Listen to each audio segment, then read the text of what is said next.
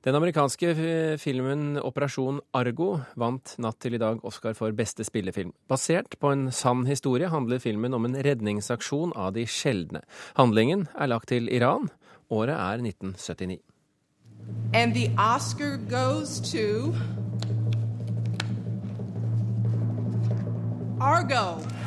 Slik hørtes det ut da Michelle Obama i natt norsk tid annonserte at det var Ben Afflecks film 'Operasjon Argo' som fikk tildelt Oscar for beste spillefilm. Iranske medier var raskt på banen i morges og kritiserte tildelingen. Det iranske nyhetsbyrået Fars News skriver at førstedamen Michelle Obama tildelte prisen Beste spillefilm til den anti-iranske filmen 'Argo', lagd av sionistselskapet Warner Brothers. Jeg så starten av 'Argo', men den var ikke attraktiv nok til at jeg gadd å se hele, sier Amir Khani til nyhetsbyrået Ap på gata i den iranske hovedstaden Teheran i morges. Det virker som at den fikk Oscar av politiske årsaker. Benam Farahani forstår heller ikke hvorfor filmen fikk en Oscar. Han står ved siden av en aviskiosk hvor mange nysgjerrige har samlet seg for å se hva iranske aviser skriver om Oscar-utdelingen. Både Django Unchained og Lincoln vant for få priser. Jeg synes begge de to var bedre enn Argo, som bare er en politisk film. Reporter her, det var Eivind Våge. Benke Eriksen, utenriksmedarbeider her i NRK, tidligere USA-korrespondent. Du har sett filmen. Aller først, hva syns du om den? Det var en uh, spennende actionfilm av uh, den vanlige Hollywood-typen. Uh, veldig spennende til tider. fortalte en historie som kanskje ikke så mange husker fra den perioden da disse gislene, amerikanske gislene ble holdt i Teheran. Eh, nemlig de seks som klarte å komme seg unna, de seks diplomatene som klarte å komme seg unna, og klarte å, gjemme seg uten at iranerne visste at de hadde kommet seg unna, og hvordan de til slutt kom seg ut av Iran eh, uten å bli oppdaget. På nære nippet i denne filmen? Absolutt, det var det.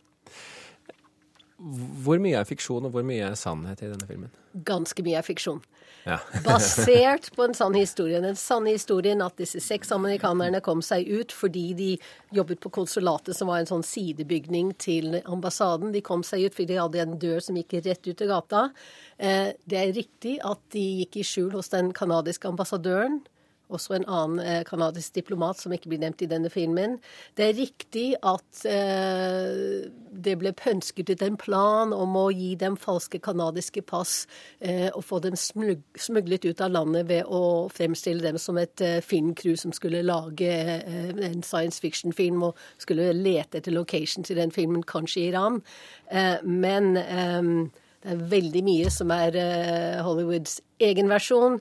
Og det går ut på at det er CIA-agenten Tony eh, Mendez som er den store helten. At det var han som pønsket ut planen, og han som fikk det gjennomført. Eh, det var det ikke. Eh, og at det var veldig mye dramatikk på slutten av denne filmen. At de ble oppdaget på vei ut av landet, og at ikke minst revolusjonsguiden kjørte på rullebanen mens flyet var i ferd med å ta av, og det var like før det ble tatt. Ja. Ja. Ikke noe av det der skjedde. De kom seg helt greit ut av landet med disse falske canadiske passene eh, uten all den dramatikken. Og så den store, særlig canadierne, er veldig fornærmet på Ben Affleck eh, når det gjelder denne filmen, fordi eh, det gir inntrykk av at det er CIA som liksom står for dette her, og canadierne var veldig snille og hjalp til å være husverter og sånn. Men eh, til og med Jimmy Carter, som var president under denne krisen, eh, sier at det var canadierne som sto for 90 av planleggingen og, og, gjennomføringen av denne fluktplanen, og CIA-agenten var bare inne i landet i halvannet døgn og kanskje sto for 10% Hvordan har reaksjonene vært eh, fra statlig hold i Iran i dag? Ja, Fra statlig hold i Iran så sier de at dette er ren CIA-reklame. Og det er kanskje ikke så rart når de ser eh, den versjonen, da. Um, en av studentene som var med i uh, denne mens folkemengden utenfor ambassaden da den ble stormet og, og gisler tatt, uh, sier at filmen fremstiller uh, menneskemengden som mye mer voldig og, og sint enn det de egentlig var. Sier at de fremstiller det som en mobb. Eh, at det ikke var slik, sier denne, en av studentlederne, eller en av de studentene som var med i, i denne folkemengden utenfor ambassaden. Og så, eh, vi hørte Michelle Obama kunngjøre vinneren her. Eh, så sier den halvoffisielle iranske nyhetsbyrået at ja, dette er veldig politisk motivert. Bare se førstedamen i USA er den som kunngjør denne mm. prisen, så dette er absolutt en politisk motivert film. Selv om hun kanskje egentlig skulle kunngjort en annen vinner. Jeg tror kanskje hun helst ville ha ja, ja, okay. kunngjort Lincoln, ja. Sverre Loddgaard, eh, du har jo ikke sett denne filmen, men som seniorforsker ved Norsk utenrikspolitisk institutt, så har du jo jobbet med spørsmål knyttet både til USA og Iran i en årrekke. Hvor alvorlig var det som skjedde 4.11.1979? Veldig alvorlig eh, på kort og lang sikt. Eh, det var noen hundre studenter som samlet seg utenfor ambassaden for å foreta en symbolsk demonstrasjon eh, okkupasjon. Eh, de mente at de kunne eh, bli bedre hørt hvis de snakket innenfra. Eh, men så, da det ble klart at vaktene ikke skjøt, og mange flere kom til, så forandret dette eh, karakter. Ayatollah Khomeini satt i Kvom, den hellige byen Kvom. Og hans første reaksjon var å få studentene vekk og eh, reetablere lov og orden. Men han skjønte jo fort at dette hadde mange fordeler, fordi det kunne samle folk mot Eh, mot USA og samle folk eh, for ham.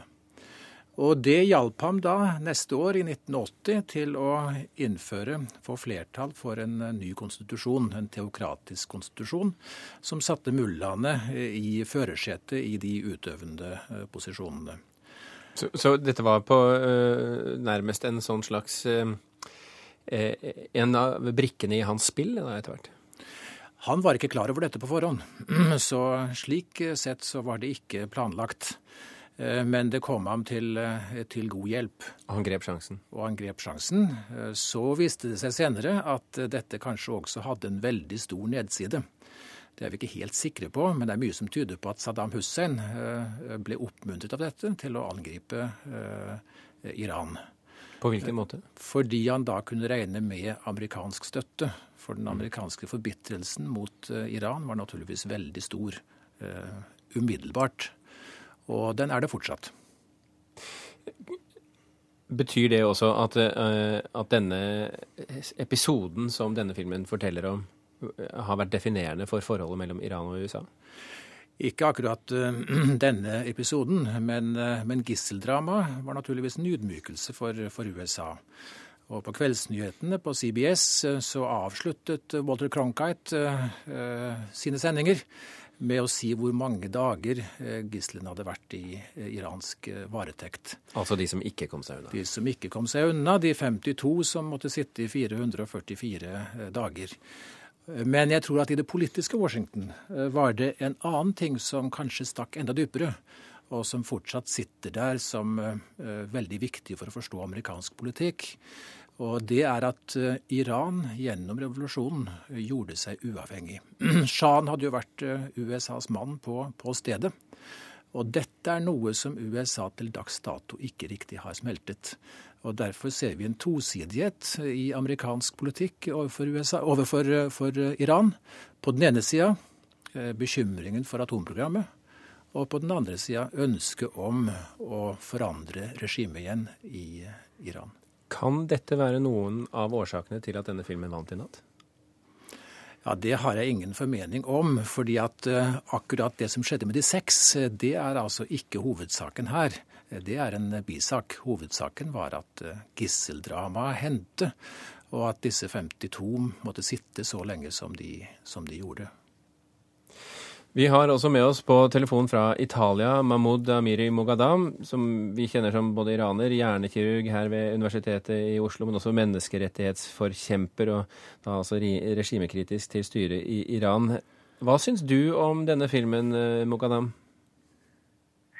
Ja, altså som det ble sagt, så er, eh, var filmen um, underholdende. Jeg må jo si at går, Da jeg skulle gå på kino og se filmen, så forventet jeg en ny versjon av Rambo.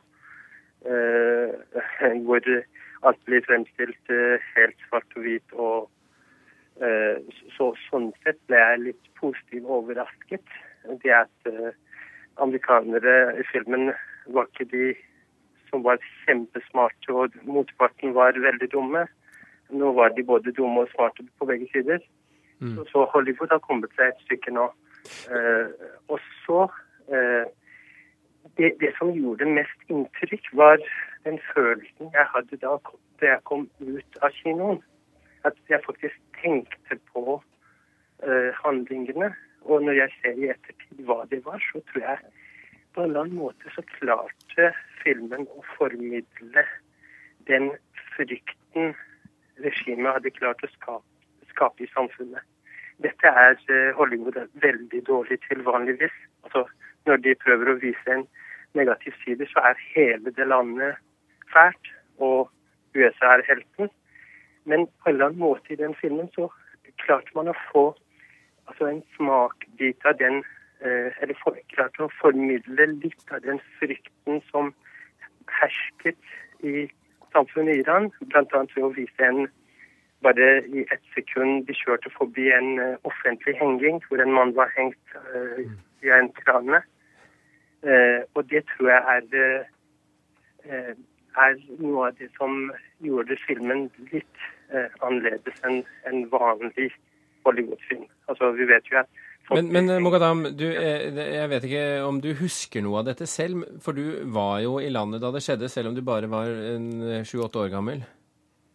Ja, jeg var, jeg var ni år da. Du var ni år. jeg husker det var en veldig stor hendelse. Og det var på TV og radio hele tiden. Og regimet brukte jo det for alt det det var verdt. Altså Mange opposisjonelle og regimekritikere ble jo arrestert for spionasje for USA, angivelig pga. dokumenter som de hadde funnet i ambassaden. Og det var det stemte jo ikke. Så eh, denne gisseltakingen faktisk eh, var, eh, som Sverre Lodgaard også sa, Khomeini innså veldig fort at det var kanskje verdt langt mer enn det han hadde trodd i utgangspunktet. at han klarte å faktisk avvæpne resten av den iranske opposisjonen som hadde styrt Sham og så tok altså satt frem i forsetet i kampen mot imperialisme. Den gangen var det jo veldig stor antiamerikansk stemning i Iran. Men da klarte han å ta ledelsen og faktisk slå ned på opposisjonen eh, ved å bruke eh, Altså ved å eh, beskylde dem for spionasje mot USA. Mahmoud Amiri Mogadam på telefon fra Italia. Sverre Loddgaard her i studio sammen med Wenche Eriksen. Tusen hjertelig takk for at dere kunne være med i Kulturnytt.